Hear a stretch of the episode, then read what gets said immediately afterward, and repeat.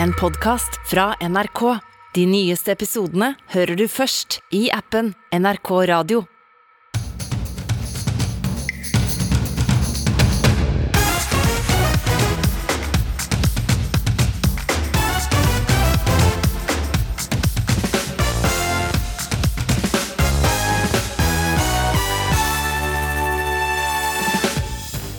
Mens statsministeren kaller inn til hastemøte om strømsituasjonen, ber en kronisk syk alenemor om strøm på blå resept. Og det er kaldt bare å sette seg på doringen. Det er kaldt. Og da, tenker jeg vi er i starten av august, det er egentlig sommerferie. Så jeg er bekymra. Det blir ingen ny flyverstreik i SAS etter at flyverne i selskapet har sagt ja til den nye SAS-avtalen. Kanskje drømmer du nå om en ferie etter ferien? Ikke uvanlig, sier psykolog som forteller at ferien kan være krevende. Kongen får behandling på sykehus, og vi skal få siste nytt. Men folk på gata overbringer gode ønsker. Nei, han er der liksom alltid når, når folk trenger det. Det er litt rørt. Ja, jeg syns kongefamilien er super. Studiestart nærmer seg, men over 14 000 studenter står fremdeles i kø til studentboliger. Vi har fulgt en av de ferske studentene på boligjakt. Det er veldig mye som er nytt, og så skal man i tillegg ha det her liggende på skuldrene med sånn Jeg vet ikke engang hvor jeg skal bo. Hvor er det jeg kommer til å ende opp? Det blir litt sånn, litt sånn ekstra press, da. Fotball blir det også. Um, at man skal være litt positiv og se fremover. Bør vi drømme om gull, eller erkjenne litt hvor vi står? Mens fotballpresidenten og den nye landslagssjefen for Norges fotballkvinner justerer ambisjonsnivået, har vi lodda stemninga fra Norway Cup. Å sette seg litt store mål, det, det syns jeg vi skal tørre å gjøre, selv i lille Norge. Du ser jo bare Island hva de klarte å få til på herresida for noen år siden. Velkommen til ukeslutt, til deg som enda har sommerferie, og til deg som er tilbake til den vante hverdagen. Jeg heter Linda Fedler. Strøm er medisin. Kan jeg få en blåresept, takk? Det skriver du, Jannike Tønnesland, som bor i Kristiansand, i en ytring på nrk.no. For mens debatten om strømkrisen går og Støre kaller inn til strømhastemøte på mandag i Stortinget, så bekymrer du deg for helsa til deg og dine barn. Hvorfor det? Nei, det er jo sånn vi har en tilstand som gjør at vi reagerer på diverse temperaturer blant mye annet. Og Da er det viktig å ha riktig oppvarming i alle rom, og den temperaturen den må være jevn. Vi får utslett. Vi får en rekke andre symptomer som svimmelhet og muskelsmerter. Og vi kan få hevelser i f.eks. halsen som gjør at vi kan få f.eks. anafylaktisk sjokk. Og det får vi allerede. Vi får små episoder allerede, men ikke alvorlig nok. Da er det viktig at vi har EpiPen på oss hele tida. Vi bor jo i et veldig værhardt land, og det er jo et problem utenfor leiligheten at vi reagerer på de verste temperaturer. Og da er det greit å ha fristed hjemme hvor vi kan, kan ha det varmt og greit og riktig temperatur. Det er fryktelig vanskelig på en minstetrygd med de strømprisene vi har i dag. Ja, for Hvordan klarer du da å holde liv i familien på, på minstesats uføretrygd, Jannicke? Man må jo bli litt kreativ med de få oppvarmingsmulighetene man har i en blokkleilighet. Og det er bare på strøm, og da må man egentlig helst ha ovn i alle rom. Det har ikke vi mulighet til.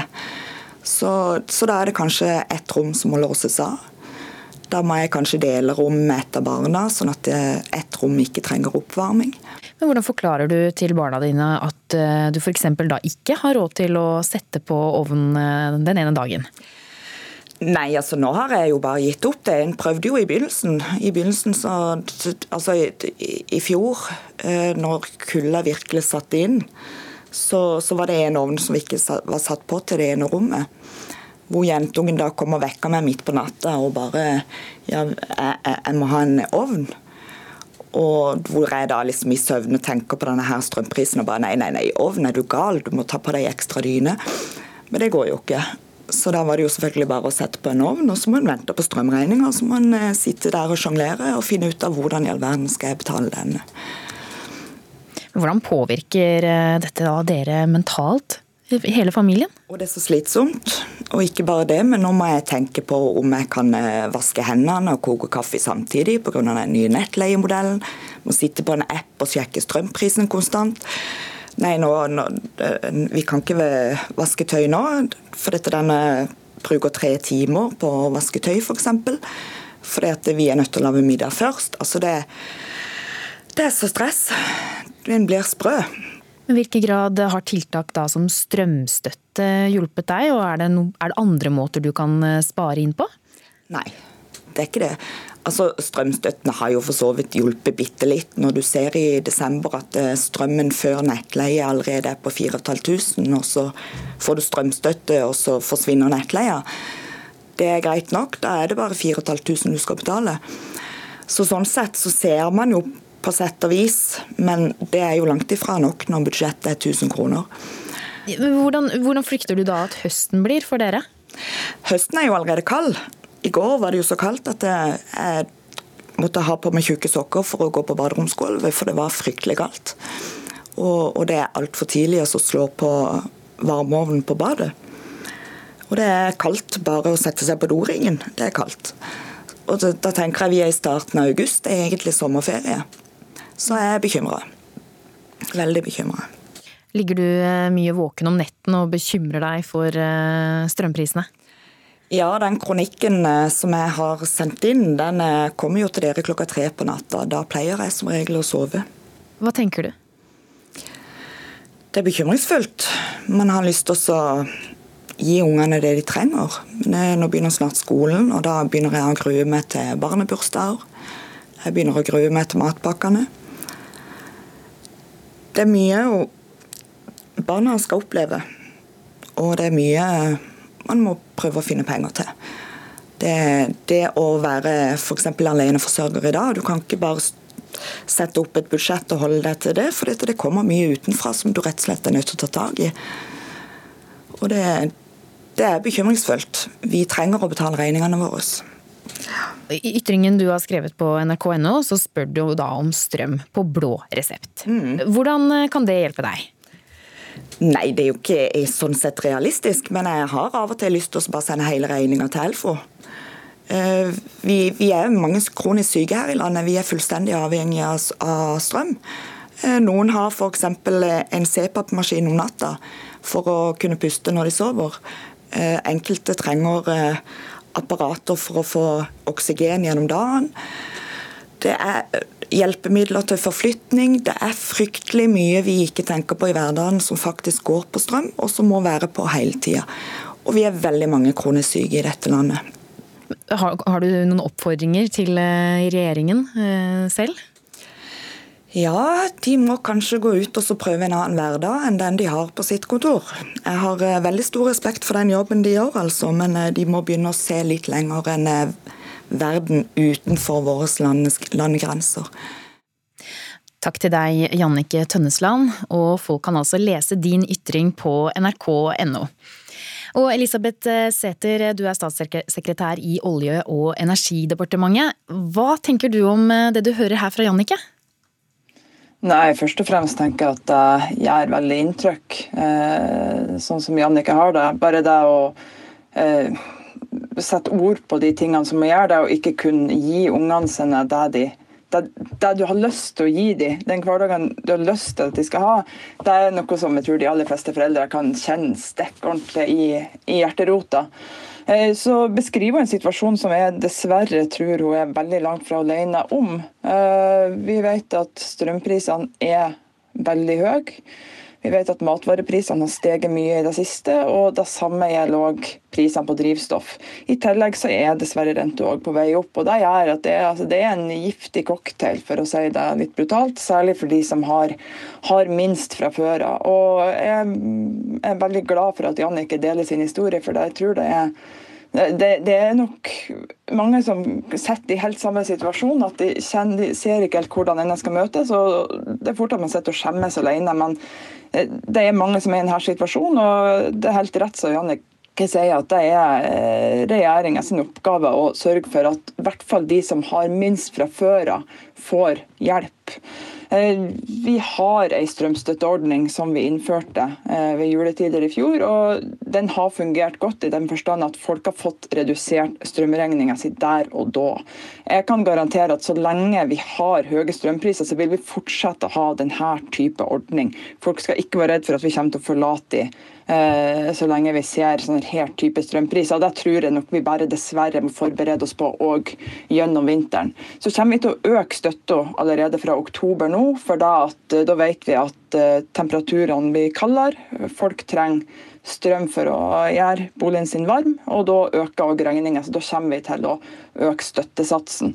Og så er vi nødt til å se på altså, hvordan kan vi Eh, kan vi gjøre ordninga bedre, eh, særlig mot de som har minst. Vi har allerede økt bostøtte og gitt mer penger til studenter for å hjelpe dem. Er det noe lignende grep vi kan gjøre?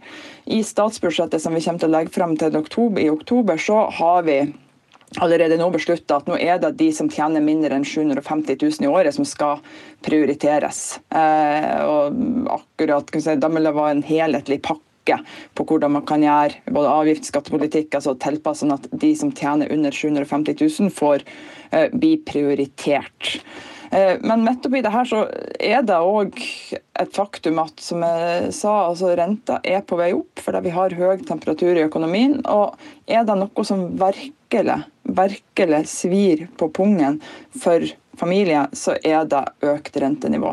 Bare økning på ett prosentpoeng øker kostnadene for en gjennomsnitts småbarnsfamilie med gjennomsnittslån med opp mot en 27 000 i året. og det er Altså, Det er en månedslønn for veldig mange. Så det er sikkert at Vi har en god balanse i politikken hvor vi både gir, men hvor vi ikke øker pengebruken så mye at Norges Bank ser seg nødt til å sette opp renta mer enn nødvendig. Det blir òg viktig framover. Og så er det jo veldig mange som er spent på hva som kommer på, det, på møtet nå på Stortinget mandag. Kan du fortelle mer om det? Ja, det kan jeg absolutt. Eh, Stortinget, vi har bedt om å få komme til Stortinget og redegjøre for hvordan vi arbeider med denne situasjonen. Det er en tøff situasjon. Den berører alle som er rammet av de høye prisene. Og eh, Det er tre ting som vi særlig kommer til å snakke om. Det ene er, som kan si, er noe som vi lenge har tatt som en selvfølge, nemlig at vi skal ha nok strøm i dette landet.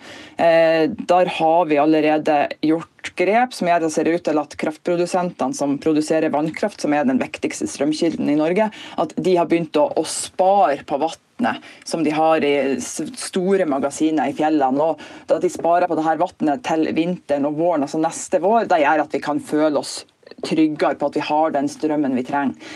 Så kommer vi òg til å snakke om nettopp det som vi har vært innom nå, altså den strømstøtta til folk.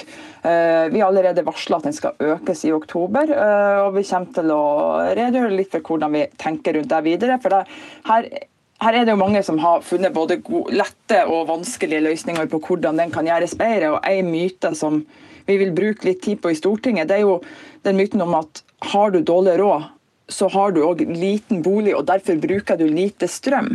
Det er jo noen som ville gitt veldig mye strømstøtte for de første kilowattimene, og så mindre hvis du bruker mye. Men eh, sånn er ikke realiteten utenfor Oslo. Det å ha en enebolig, kanskje gjerne litt gammel, litt trekkfull, hatt mulighet til å bytte ut vinduene eller eh, etterisolere loftet, det, det er normalen bare man kommer litt utenfor storbyene. Så, så det å tro at de med minst penger bruker minst strøm, det, eh, det er en kortslutning. Så det å redegjøre litt for hvordan vi vil arbeide videre for å prøve å se om ordninga kan gjøres enda bedre å treffe de som har minst, det vil vi òg redegjøre for. Det siste, det er eh, tror, eh, Det får nesten bli det siste fra deg, Elisabeth Sæther, og vi får vente spent på hva som kommer av møtet på mandag.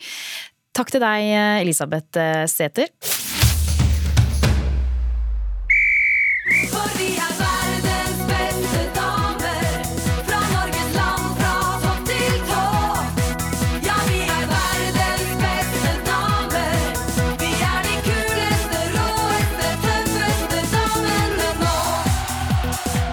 Nå som Norges kvinnelandslag i fotball har fått ny landslagssjef, har du kanskje begynt å drømme om en ny storhetstid for stjernene i rødt, hvitt og blått? Kamper med målfest, spillerne som tar salto i seiersrus og har VM-gull i kikkerten. Vi møtte den nye landslagssjefen Hege Riise for å høre hvordan hun skal ta de norske fotballkvinnene til topps. You're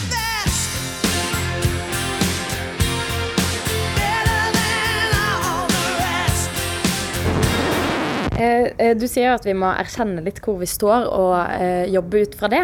Eh, Hva legger du i det? Hvis vi ser eh, EM-lagene nå, det er de aller, aller beste, så har de et eh, toppnivå som ikke Norge har per nå. Og det er vel det jeg mener med det. Og det å kunne eh, matche de og yppe seg mot de og ta poeng mot de oftere enn det vi har gjort. Sånn, hvis man ser år tilbake også, så er det lenge siden vi har vært eh, og yppa oss mot de aller beste. Det høres ikke ut som det var noen gullplaner der i den nærmeste fremtiden. Og fotballpresident Lise Klavenes mener heller ikke det er realistisk at Norge skal være en av Europas beste fotballnasjoner. Så for oss så blir det å stikke fingeren i jorden eh, og, og erkjenne hvor vi står. Og vi er nødt til å jobbe knallhardt fremover for å være en utfordrer å regne med av og til, og en som kan være oppe og nikke av og til. Er dette en ny og mer ydmyk strategi, lurte vi. Nei, så Dette er bare en erkjennelse av hvordan verden er. Altså Dette er ikke en strategi. Det, det er der vi er. Eh, Så det er en analyse av ståstedet. Vi tok en tur til Norway Cup på Ekebergsletta i Oslo for å høre med spillerne og trenerne om de er enig i fotballtoppenes realistiske nøkternhet. Jeg mener at de burde sette seg litt høyere mål enn som så. Altså, vi, er en, vi er en liten nasjon i fotballverden, så å sette seg litt store mål, det, det syns jeg vi skal tørre å gjøre, selv i lille Norge. Du ser jo bare Island, hva de klarte å få til på herresida for noen år siden. Jeg er nok enig med dem. At vi må være såpass eh, ærlige at vi er litt etter ennå. De aller beste. Hva vil du si da til eh, fotballpresidenten og den nye landslagssjefen? Um, at man skal være litt positiv og se fremover. Det er viktig å tenke positivt og at det er viktig å være litt realistiske, men også se, tenke at man kan klare det, for da klarer man det ofte. Jeg tror vi kan klare å bli beste, egentlig, hvis vi prøver. Kjempetro på Ege Riise. Jeg tror eh, de kommer til å få en skikkelig boost, så jeg sier bare eh, kjør på. Har dere troa på Norge? Ja! Få høre et heiarop for Norge. Én, to, tre. Reporter Vidar Sem traff unge fotballspillere og trenere på Norway Cup. Med flertall blant pilotene for SAS-avtalen er det kanskje noen som planlegger en liten ekstra ferietur nå.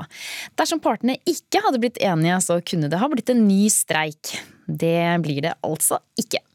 Men selv om man kommer seg vel og frem tilbake, så er det jo ikke alltid ferien blir som en drøm av late solskinnsdager med avslapning og harmoni. Ferien kan faktisk være ganske slitsom, og noen føler de rett og slett trenger en ferie etter ferien. Men du var ganske stressa når vi kom på, når vi kom på flyplassen i Spania. Ja, Da ja, syntes du det ja. var varmt. Ja, da raste Stine av gårde. Jeg måtte ta tak i henne bare. Nå stopper vi har med noen toåring her. Han går sjøl. Åh, så var det så varmt, jeg var så sliten, og så tenker jeg, er han for varm? ikke sant? Så du vil kanskje få han inn i aircon-bil med en gang. Ja. Jeg får helt noia. Ja, jeg hadde tatt på en shorts. Men uh, jeg husker, i hvert fall når vi sto og skulle fikse bilen, for da fikk vi et barnesete. Uh, og det fikk jeg ikke inn i den bilen, for det var helt herporama, det der bilsetet. Og da tenkte jeg, nå da går, sto Nei, men du da sånn, tenkte jeg sånn, nå kom, går ferien til det- helvete. Kom igjen, få det inn! Vi Ja. må inn, vi må dra. Og da fikk jeg, da fikk jeg packeren.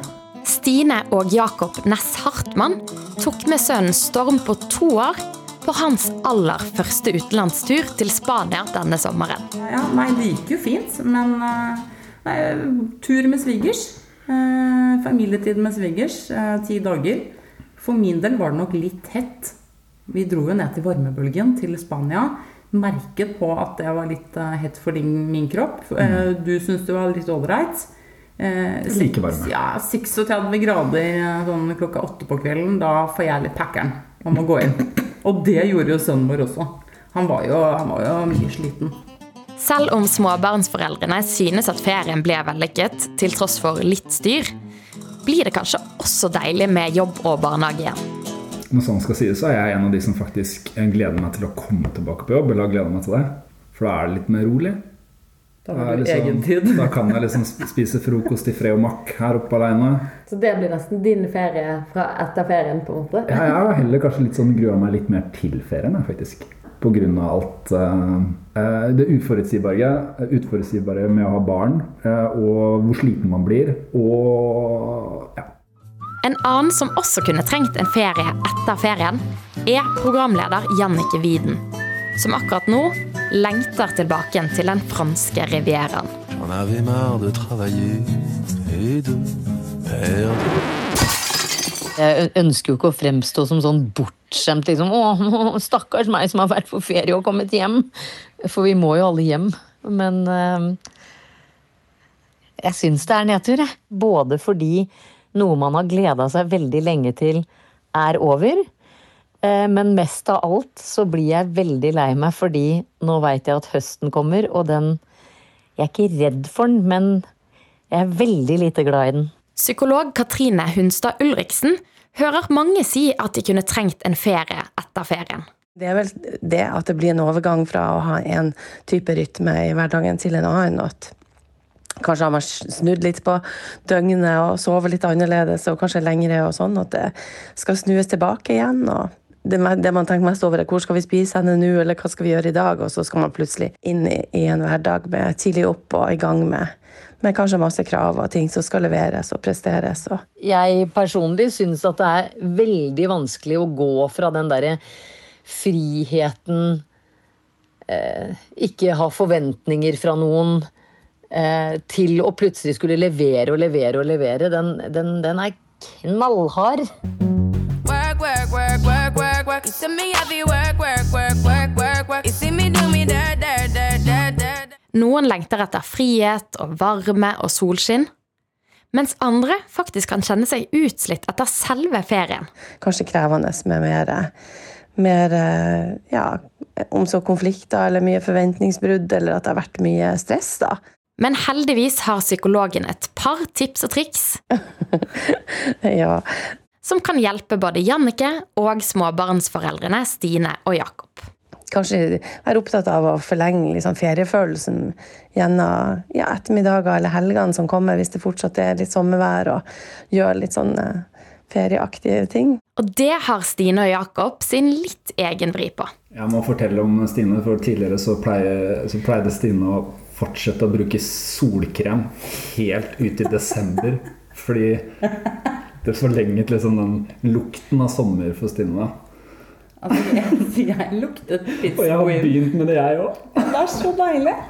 Så jeg luktet pizza på inn til sånn 5. desember. Det neste rådet er å akseptere at de første dagene tilbake på jobb rett og slett kan føles tunge. Og ikke ha så innmari høye krav til seg sjøl kanskje akkurat da, og heller være flink og legge inn noen pauser i arbeidsdagen og, og, og vite at det faktisk gjør at man blir mer effektiv. Det siste rådet er å planlegge en ny tur eller noe annet å se fram til. Og det rådet har Jannike Widen allerede tatt i bruk. Dette er ikke tull. Jeg har allerede planlagt neste tur, og den skjer i slutten av august. Og det gjør til at det ikke er så fælt å komme hjem. Men så er det jo dette med økonomi, da. Eh, Men å i hvert fall planlegge og gjøre noe hyggelig. Eh, Som kanskje ikke koster like mye som en sommerferie på, Rivi på Rivieraen. Men at man skal møte noen man ikke har sett på lenge, eller eh, kjøre til hjembyen sin, eller telte i marka, eller noe sånt. Og det, det heier jeg på.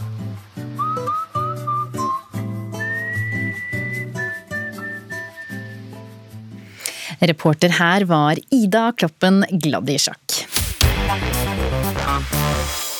På torsdag ble kong Harald lagt inn på Rikshospitalet og behandlet for feber. Og i går ble det kjent at han har fått påvist en infeksjon. Kristi Marie Skrede, journalist med ansvar for kongehuset her i NRK. Hva er siste nytt om kongen? Kongen er fremdeles på sykehuset og får behandling, eh, intravenøs behandling.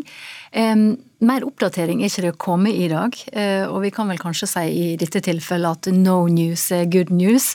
Eh, jeg har jo forstått det sånn hele veien i denne gangen at det ikke er noe dramatikk knytta til kongens helse. At han skal bli helt fin igjen, men at han blir passa godt på på sykehuset. Men hvordan påvirker innleggelsen hans kongelige plikter, da?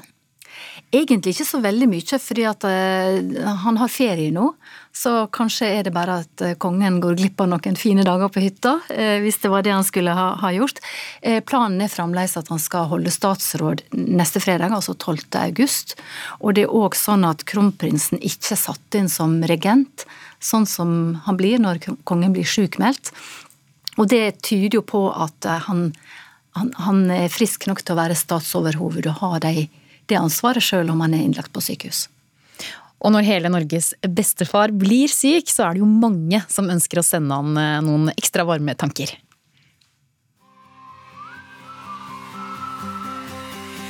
Vi sender hilsen til kong Harald. Håper du blir bra igjen ganske fort. Masse god bedring. Håper du eh, snart kommer tilbake igjen. Vi savner deg. Jeg ønsker deg lykke til med videre seiling og håper du kommer deg fort i form igjen. Jeg ønsker deg veldig god bedring. Jeg er veldig glad i kongehuset og kongen. Så jeg håper han blir fort frisk, kommer seg ut igjen. Jeg ønsker han masse, masse god bedring og er en super konge.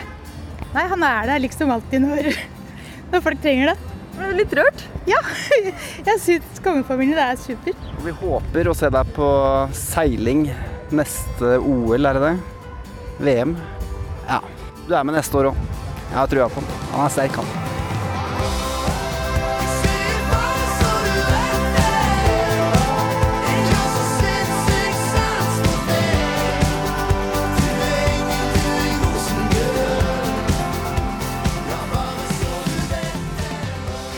Det var reporter Susanne Njølstad Skansen som hadde samlet inn hilsener til kongen.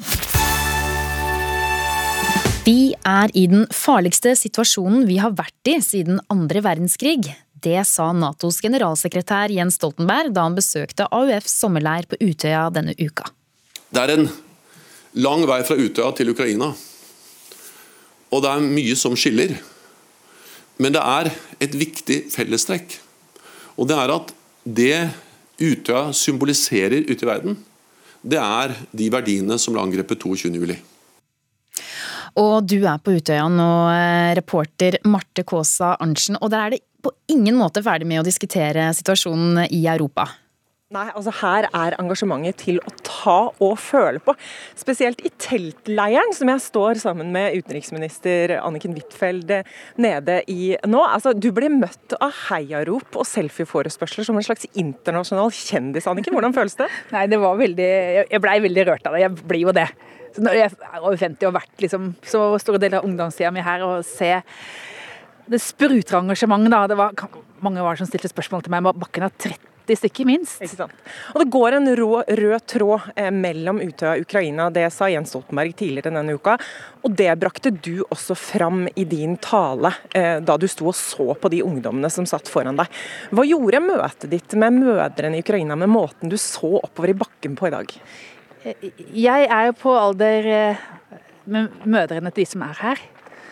Og jeg kjenner jo igjen det når jeg ser det engasjementet som er fra ungdommene her, med de jeg møter på ukrainsk side, som eh, kjemper for sitt eget Palestina. Det er jo ofte unge mennesker som eh, deltar i kriger, enten fordi de skal beskytte eh, sitt eget land og kjempe mot okkupasjon, men også unge mennesker som blir sendt ut, ofte ufrivillig, da, for Putins grufulle krigføring. Så krig handler veldig ofte om unge mennesker, og du ser også her i dag at det er et ekstremt stort engasjement.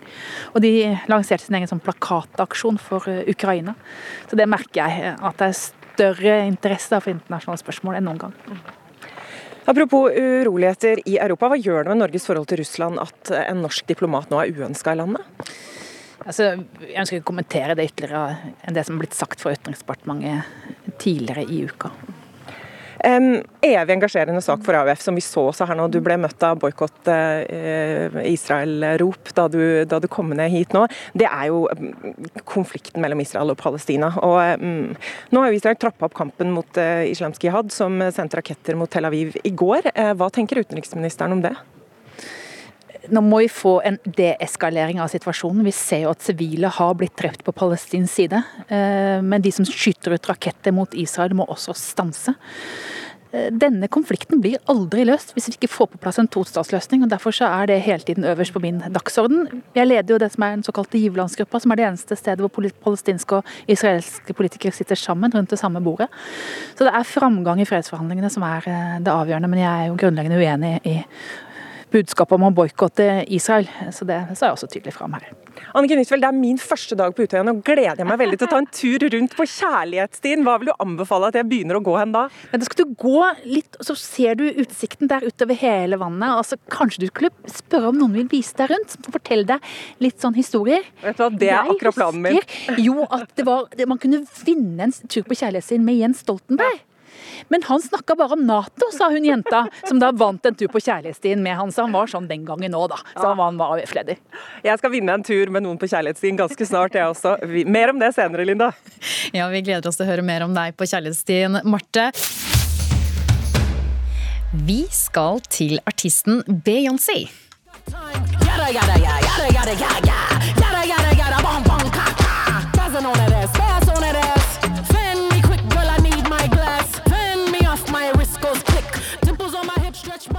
I forrige uke ga hun ut nytt album, men under en uke senere må hun i studio for å spille inn en av låtene på nytt, som er Heated, som vi nettopp hørte her. Det er fordi sangteksten har vekket sterke reaksjoner hos fansen, og reaksjonene har gått med på at det har vært upassende ordbruk, nærmere bestemt bruken av ordet spass, eller ordet spasme. Men hun er ikke den eneste artisten som angrer på sine ord. Programleder i P13s Musikkrommet og nærmest kunnskapsminister i populærmusikk, Sandeep Singh. Hvor vanlig er det at artister spiller inn låter på nytt etter og at de har fått klager på teksten sin? Altså, det har jo blitt vanligere nå i nyere tid enn før. Det at artister får reaksjoner på innholdet, det er ikke nytt. Men siden musikk ikke er så sementert inn i formatet det utgis i, altså at det gis ut digitalt, og da det er rom for å endre det ganske raskt, så har man også mulighet til det. Da har man ikke noe unnskyldning på en måte, hvis man innser at ja, man har tråkka over en strek. Du har tatt med deg noen eksempler på kjente låter som har blitt endret og spilt inn på nytt. Vi skal spille av den første låta, så kan du forklare hva vi hører. Let's get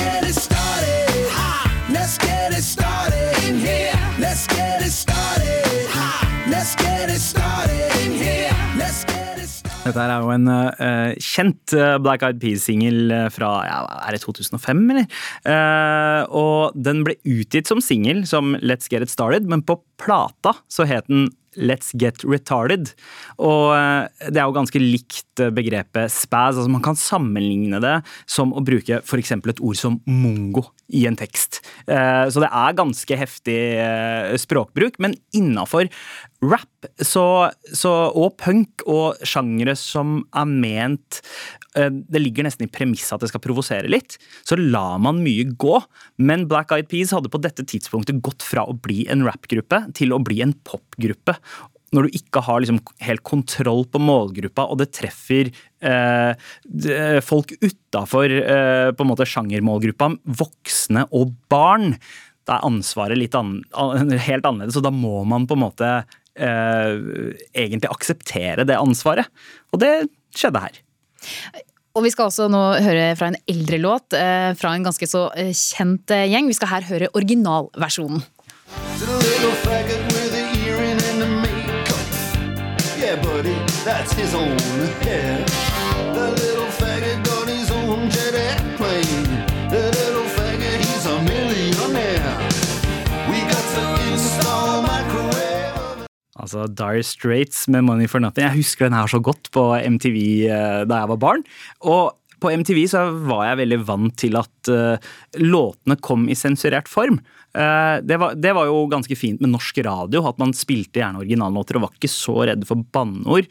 Men på MTV så fikk man de sensurerte. altså Rap-låter ble gjerne utgitt i sånne clean versjoner, og det var de man fikk på MTV.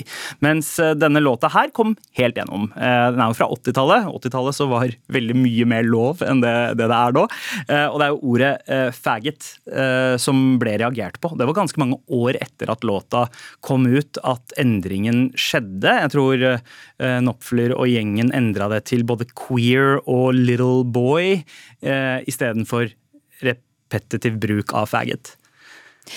Og så har jo også The King of Pop eh, sluppet en liten brøler da han kom med denne låta her på 90-tallet.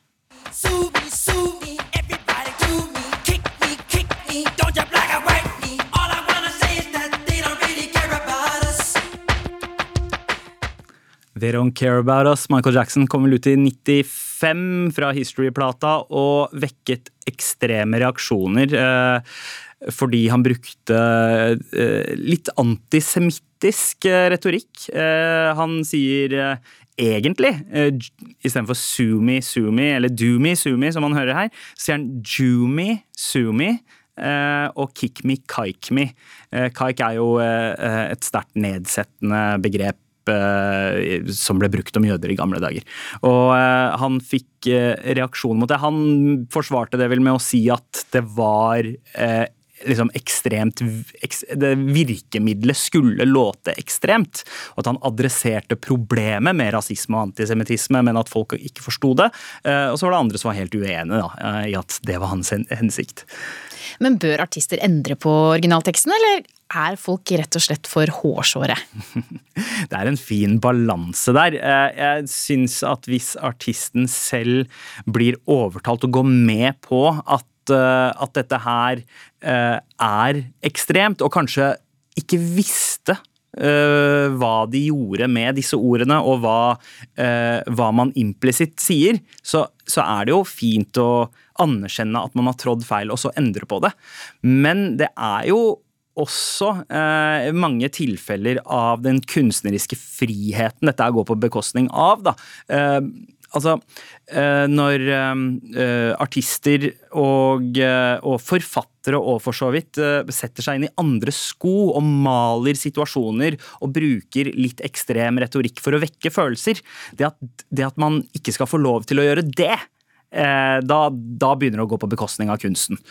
Og det, det syns jeg er farlig. Og jeg foretrekker heller måten en del artister tar kritikk på, spesielt når det går litt tid fra låten er utgitt til, kommer, eh, til kritikken kommer, eh, at de heller kanskje unnskylder det. Uh, enten forsvarer det og forklarer, uh, forklar, forklarer hva hensikten er, uh, eller hvis de føler at de har trådt feil. Da.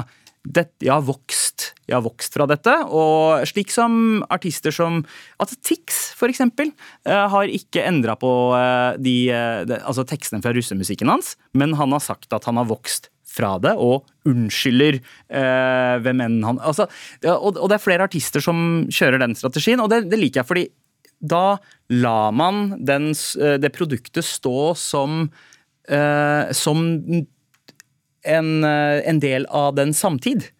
Hvis vi fjerner um, disse Altså uh, bruken av, av N-ordet og blackface og alt dette, så, så, så, slettes det også fra historien.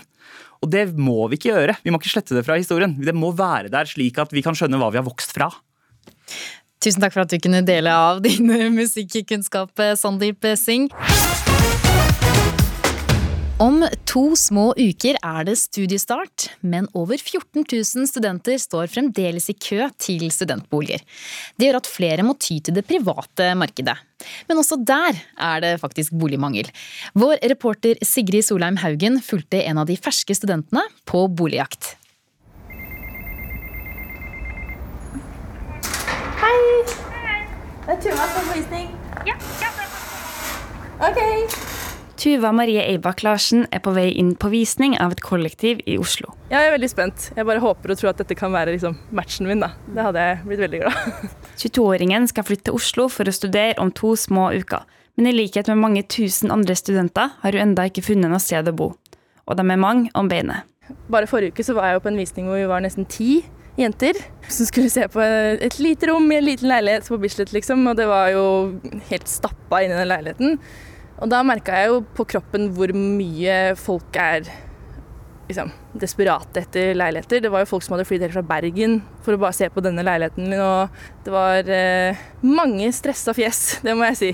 Ifølge Samskipnadsrådet står 14 000 studenter i kø for å få studentbolig. Noe som fører til at bl.a. Tuva må ty til det private markedet. Men å finne bolig der er lettere sagt enn gjort. Og det krever mye forarbeid og i det hele tatt få komme på en visning. Mm, 1, 2, 3, 4, 5, 6, 7 Tuva teller gjennom alle annonsene hun har meldt interesse for. Selv om hun har sendt melding til alle aktuelle boliger på hybel.no, er det ytterst få som svarer både hun og de andre som leter etter bolig. 930 her, og så har jeg også sendt et par på Finn. Andre studenter jeg har snakka med, forteller om den samme problematikken, og at det tærer på dem. Dagene mine går eh, stort sett eh, i å lete etter et sted å bo i Oslo. Eh, jeg syns det er veldig stressende, fordi det kommer liksom på toppen av alt annet. virker veldig håpløst å finne plass å bo til høstsemesteret her. Og det er jo veldig kjipt å vite at om under to uker så skal jeg flytte, men jeg har ikke noe sted å bo. Noen syns det er så belastende at de tar kontakt med diverse hjelpetjenester. Sigrid Øyenmull er nestleder i Mental Helse sine svartjenester, der de bl.a. har en studenttelefon som svarer studenter som trenger å snakke med noen. Rundt studiestart så, så får vi veldig, veldig mange henvendelser fra unge eh, som, eh, som sliter med forskjellige typer utfordringer knytta til studiestart. Øyenmull forteller at boligproblemer kan være dråpen som får det til å renne over for flere i en allerede stressende periode av livet. Eh, For dette kommer jo i tillegg til utfordringer som de fleste studenter allerede har, med å flytte hjemmefra kanskje for første gang, skulle flytte et helt nytt sted, med å skulle bli kjent med nye. Studentene som ringer inn, forteller om hvordan alle de samlede bekymringene før studiestart påvirker dem. Det fører til søvnløse netter, det fører til eh, uro. For noen så fører det til både angst og eh, kanskje forverring av allerede eksisterende utfordringer, som spiseforstyrrelser og, og selvskading, depresjoner. Dette fungerer som triggere.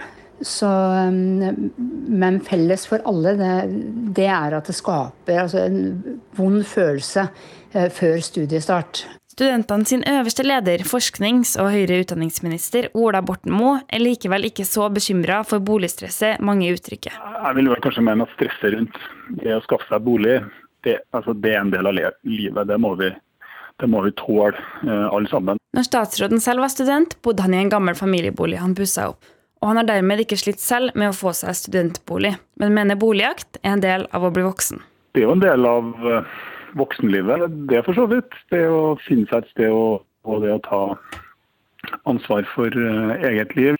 Så man skal vel kanskje være heldig hvis man kommer gjennom livet uten større slag enn at det er litt strevsomt å finne bolig eh, som førsteårsstudent i tidlig august. Da. Sigrid Øyenmull i Mental Helse er derimot skeptisk til statsråden sitt syn på problemet. Nå skal jeg være veldig forsiktig med å uttale meg politisk, men umiddelbart så tenker jeg vel at eh, det er ganske mange studenter som eh, egentlig ikke er eh, helt voksne ennå. Dette er et førstemøte med voksenlivet.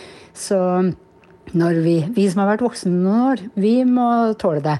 Men eh, når du står i begynnelsen av eh, voksenlivet ditt og i tillegg har ganske mange andre utfordringer, så tanken på å skulle sk- ha problemer med å skaffe seg bolig på toppen av alt dette, det vil jeg umiddelbart tenke at, eh, at ikke bare er noe man skal tåle. Om de bør tåle det eller ei, Ola Borten Moe ber likevel studentene om å holde motet opp. Altså, Månedsskiftet juli-august så er det, er det lange køer, mye eh, kaos. Det vet vi fra år til år. Og så vet vi at køene erfaringsmessig halverer seg de første 14 dagene. Og når du kommer eh, til månedsskiftet september- august-september, så har det ordna seg for de aller fleste. Og det er jo, det er jo den, eh, den eh, fattige trøsten jeg har å tilby nå. Og så får vi bygge flere boliger etter hvert. Tilbake utafor kollektivet i Oslo er Tuva ferdig på visning. Hvordan gikk det?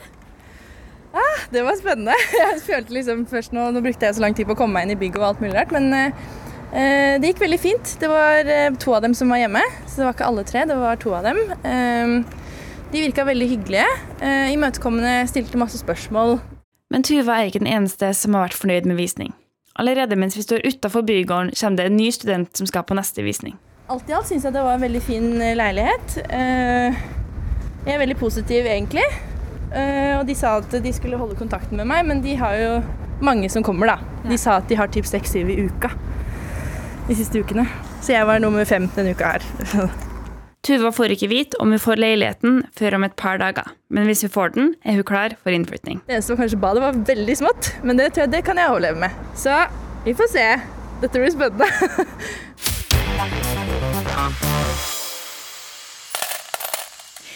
Nordmenn er altfor ofte for rause når eh, når det gjelder å betale tips. Og enda verre er det når de ber, deg, eh, ber meg om å betale tips på forhånd. Det skriver du i bloggen din et, i et innlegg som både Aftenposten og Nettavisen har eh, plukket opp.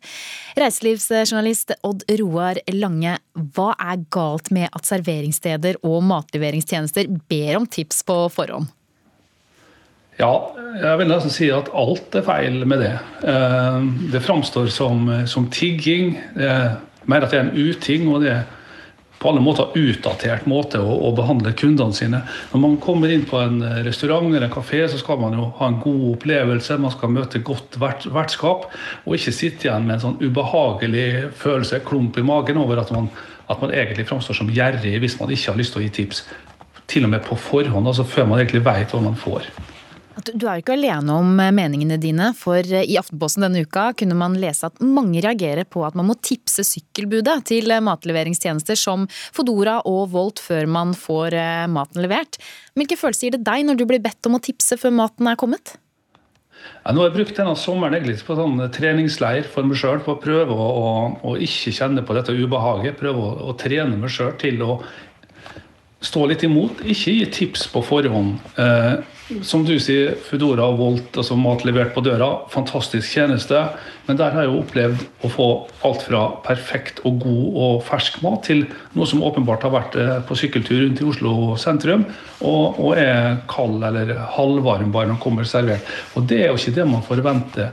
Eh, det samme hvis man går på en restaurant eller en kafé. så jeg må jo mene at man forventer jo at det skal være bra, at det skal være godt og at det skal være hyggelig. Det er ikke noe ekstraordinært med det. Så, og tipsing, hvis man i hele tatt skal holde på med det, så må det være de gangene det er ekstraordinært. Altså overraskende bra. Høy kvalitet som man ønsker å premiere litt ekstra.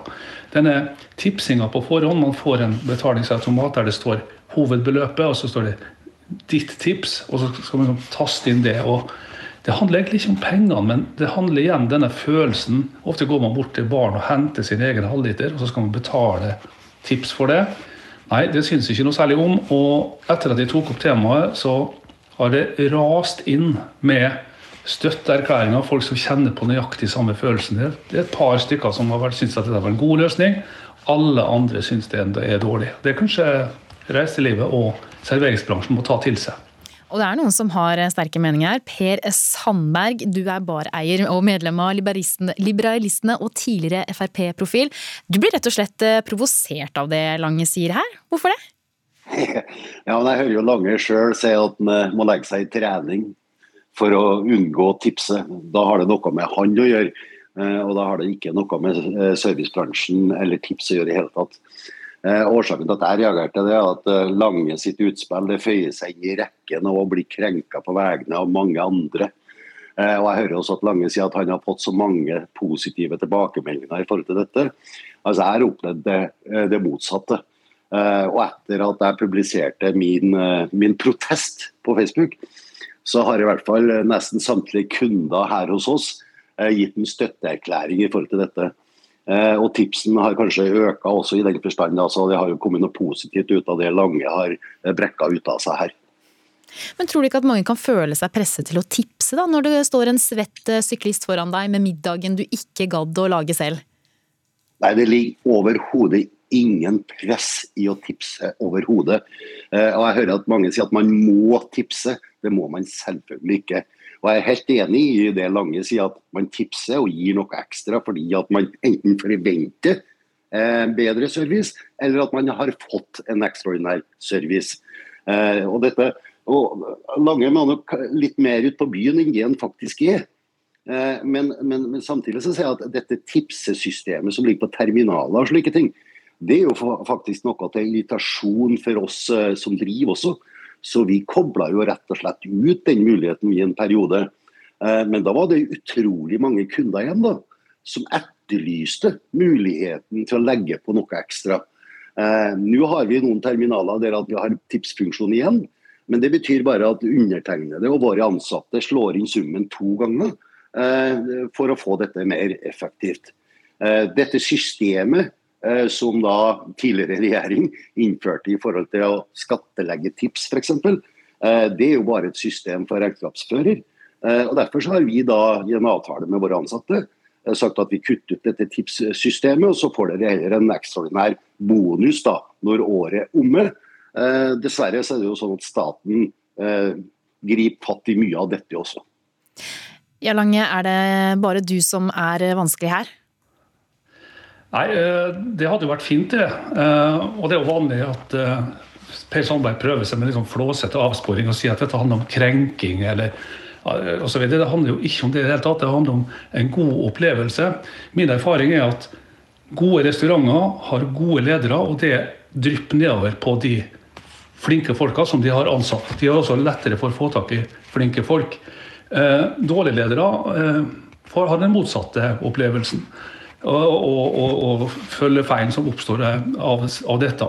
I Norge så er det egentlig god nok lønn for dem som jobber i restaurantbransjen. Og hvis noen ønsker å gjøre noe med det, så er det lederne som gjør det. Og de må da heve prisen på varene, de må heve servicegraden og gjøre det enda mer hyggelig for oss å komme på besøk. Vi skal ikke føle noe press på å tipse, vi skal gjøre det når vi har lyst til å gjøre det. Og det tror jeg er den beste måten til å få gjestene til å komme igjen og igjen også på, på restaurantene i Norge. Ikke, ikke gi en sånn klump og ubehagelig følelse. Hvor bra må det være for at du skal uh, ville gi tips, da, Lange? Nei, nordmenn er jo ikke så bortskjemt med at det er så høy kvalitet på servicegraden og på kjøkkenene rundt omkring. Vi blir jo ekstra glad når det skjer nærmest uh, ja, overraskende positive ting.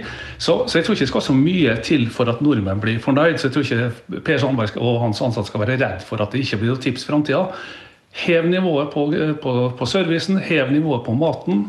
Gi oss en ekstraordinær og god opplevelse, så tipper jeg at de fleste nordmenn har lyst til å tipse etter at de har spist. Men hvordan, Du driver jo bar i eh, Halden, Sandberg. Hvordan løser dere det med tips der? Nei, men altså, først lov til å si at Det, det som er flåsete her, det er jo det at Lange prøver å snakke ned servicenæringa i Norge. Og at, at eh, servicenæringa i Norge ikke yter god service. Selvfølgelig så er det noen her også som ikke greier å følge opp den servicen og kvaliteten på leveranse. Men slik er det jo overalt.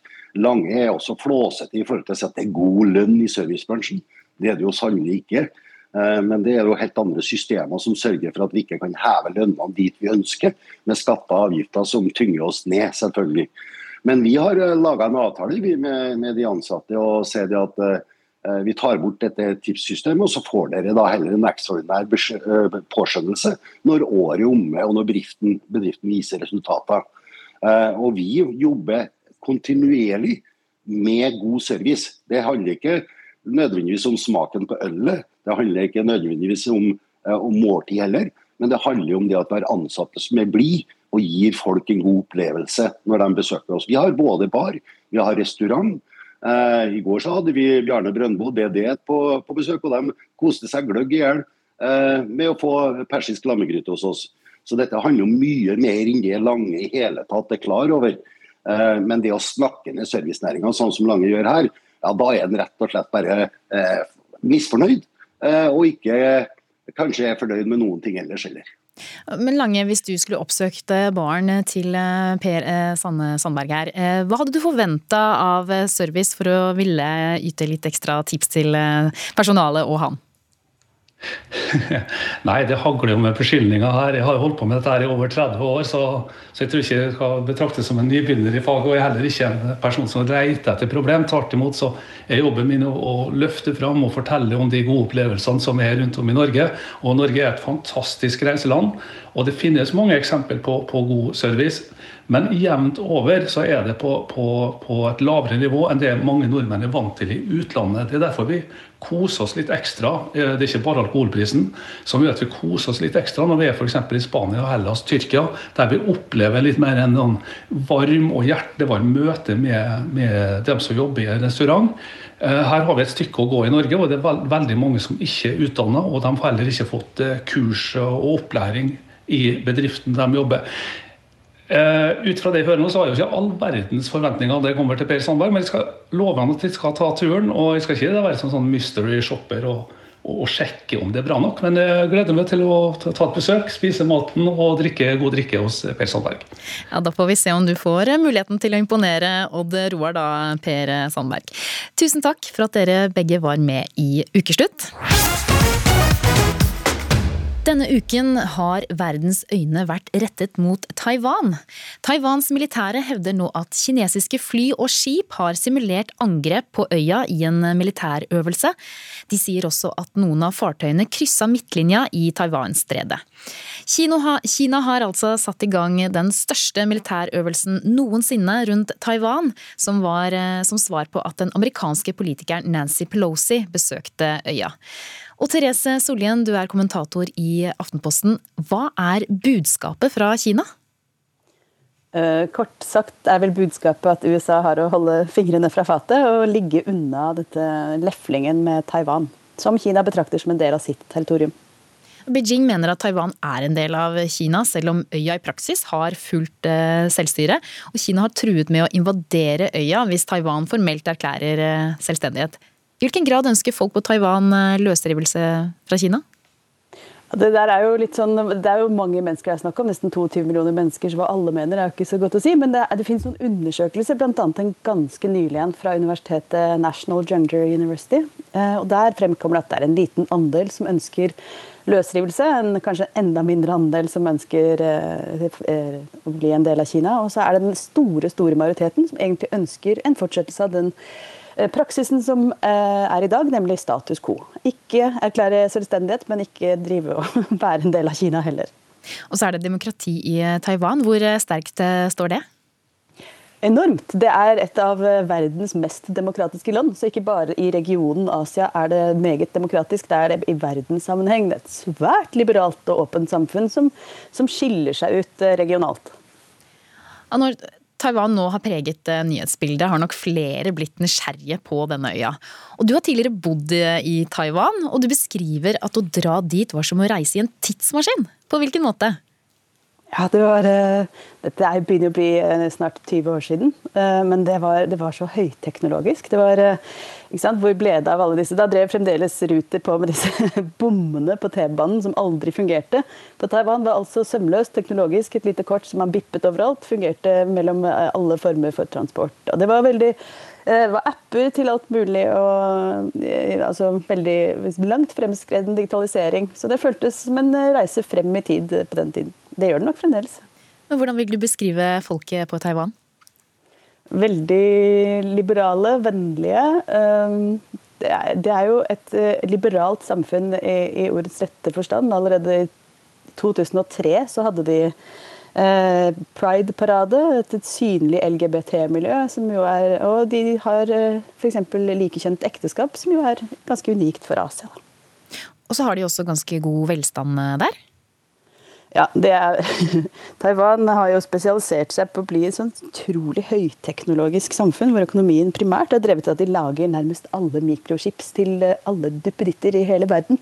Eh, det har jo tjent eh, Taiwan godt å, å klare å bli så utrolig høyteknologisk. Så det er et, et samfunn preget av både velstand og, og, og og, og, hva skal jeg si, mangfold, da, på en måte som ikke er så vanlig ellers, kanskje.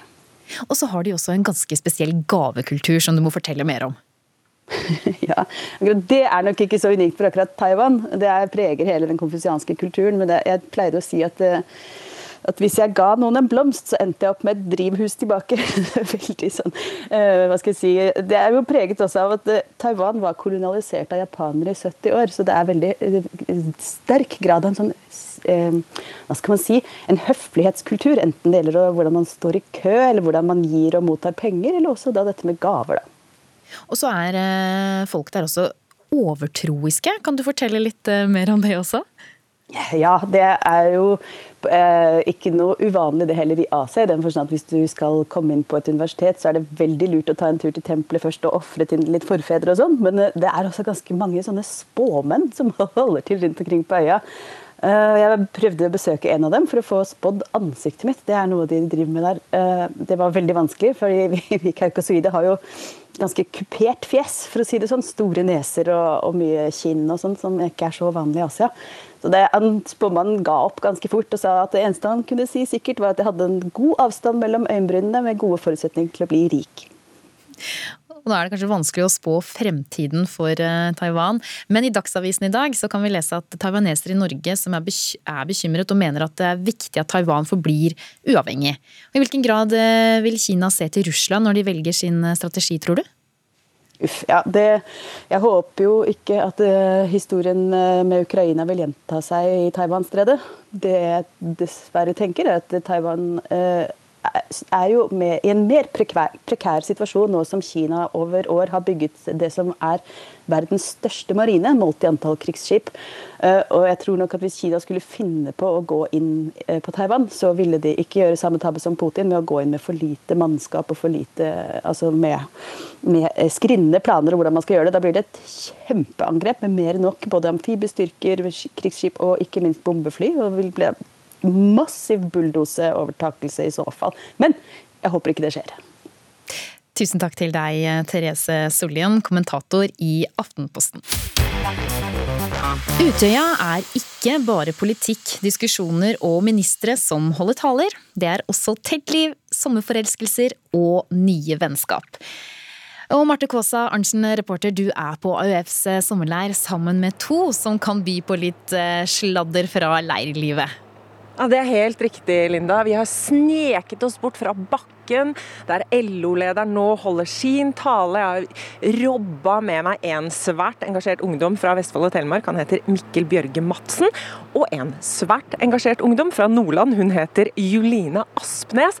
Og så har vi sneket oss ned. Kan ikke dere fortelle hvor vi står nå?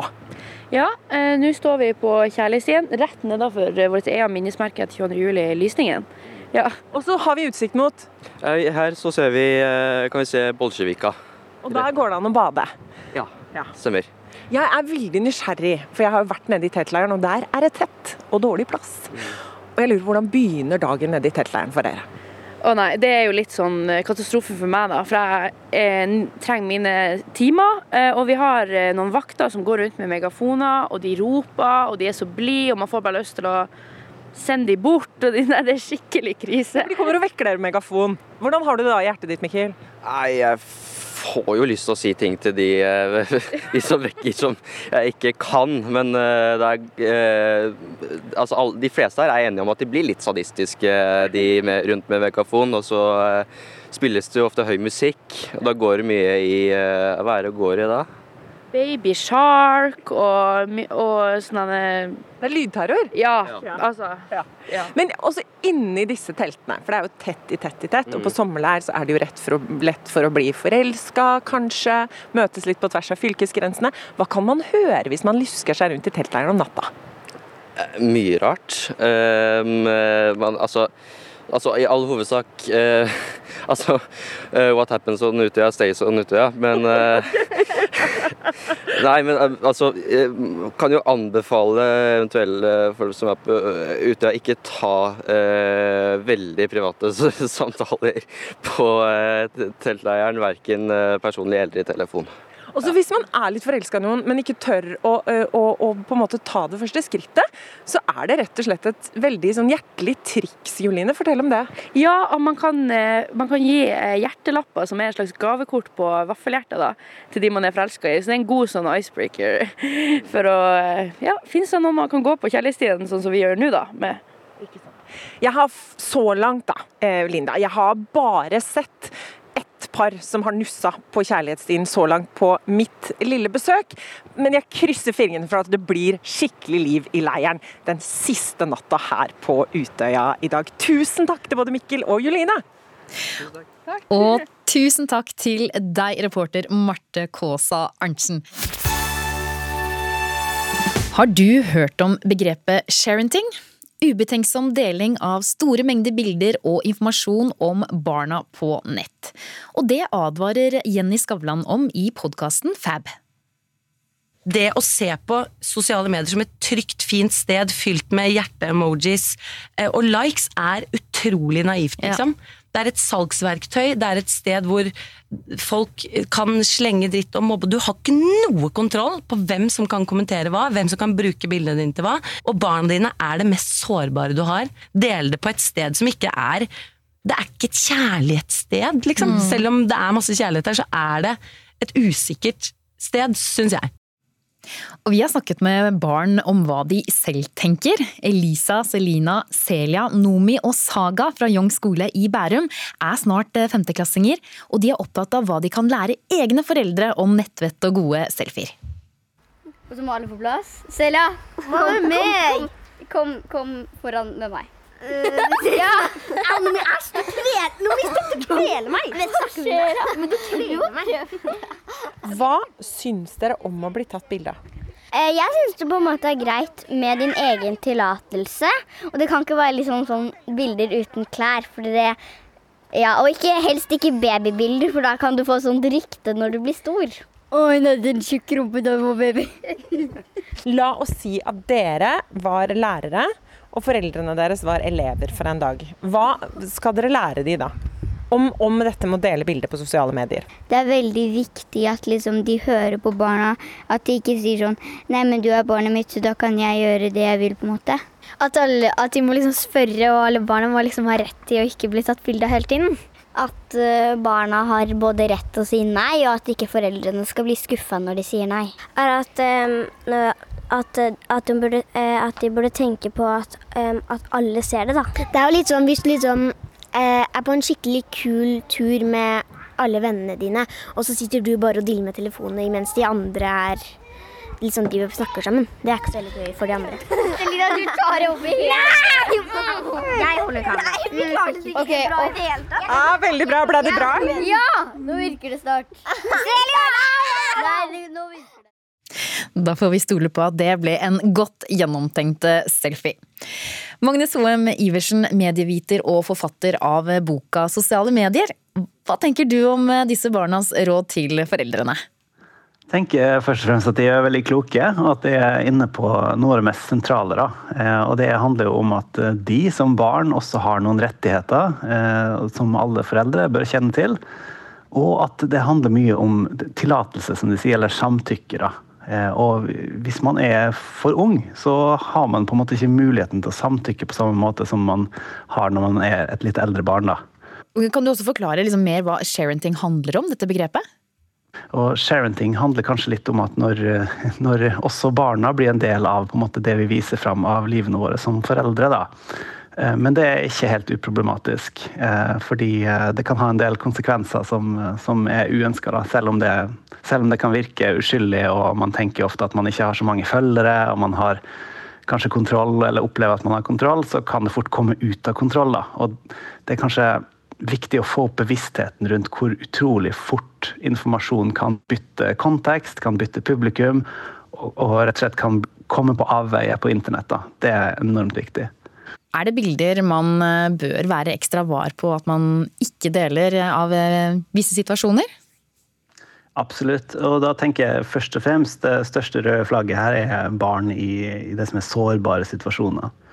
Så er det jo sånn at f.eks. hvis eh, en unge er rasende sint for en filleting, eller eh, generelt rasende sint, så kan man synes at det er morsomt på en film. Men det er egentlig et barn i en, sårbar situasjon, eh, og det er et sånn typisk eksempel på en situasjon som det barnet ikke vil synes er spesielt greit kommer ut senere. Eh, Så den typen situasjoner hører jeg egentlig ikke hjemme på internett da, som, som forelder, tenker jeg. Um, og samtidig andre situasjoner ikke sant, der de ikke har klær på, eller der de eh, Ja, rett og slett alle mulige slags situasjoner som, de kan, som kan bli vanskelig senere i livet for de da. Eh, For eksempel, sant, eh, vi hørte de kloke femteklassingene her. Nevnte jo, eh, ikke sant, hvis, hvis et barn har liksom sånn, sånn tjukke, runde og gode armer, ikke sant, eller en, en artig, fin babykropp som er helt naturlig, så kan det også føre til, det kan føre til mobbing, det kan, bli, det kan bli en greie senere i livet. Så det bør man liksom unngå å legge ut for alle. da. De fleste ville jo ikke lagt ut de gode gamle familiealbumene sine offentlig for absolutt alle til å se heller.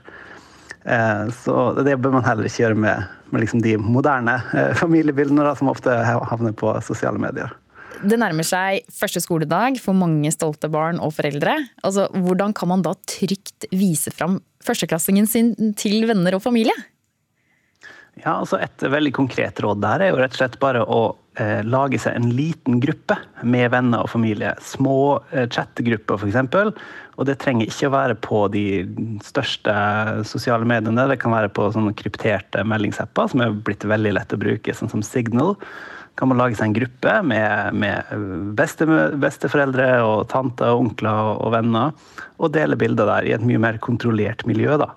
For Det er jo en stor forskjell på hvordan man bruker de sosiale mediene. Og det å dele bilder offentlig på, liksom på en åpen profil, det er jo noe ganske annet enn å dele eh, bilder på sånne mindre chattegrupper. Eh, så hvis man har kjempestolt og har lyst til å vise fram hyggelige bilder til familie, skal man selvfølgelig få lov til å gjøre det, men ikke offentlig og ikke åpent på den måten. Det er mye lurere å lage seg en liten gruppe. Alternativt så kan man jo også tenke at uh, må man alltid ta bilde av barnet? Kanskje man kan ta bilde av seg selv som stolt forelder, eller ta et bilde av skolen de skal gå på. Uh, man må ikke alltid vise frem ungen, på en måte. Tusen takk for at du var med i Ukeslutt, Magnus Hoem Iversen. Ansvarlig for eh, sendingen i dag har vært Line Forsmo, teknisk ansvarlige Lin Ida Brenna og meg i studio, det var Linda Fedler. Vi ønsker deg en fin lørdag videre. Du har hørt en podkast fra NRK. De nyeste episodene hører du først i appen NRK Radio.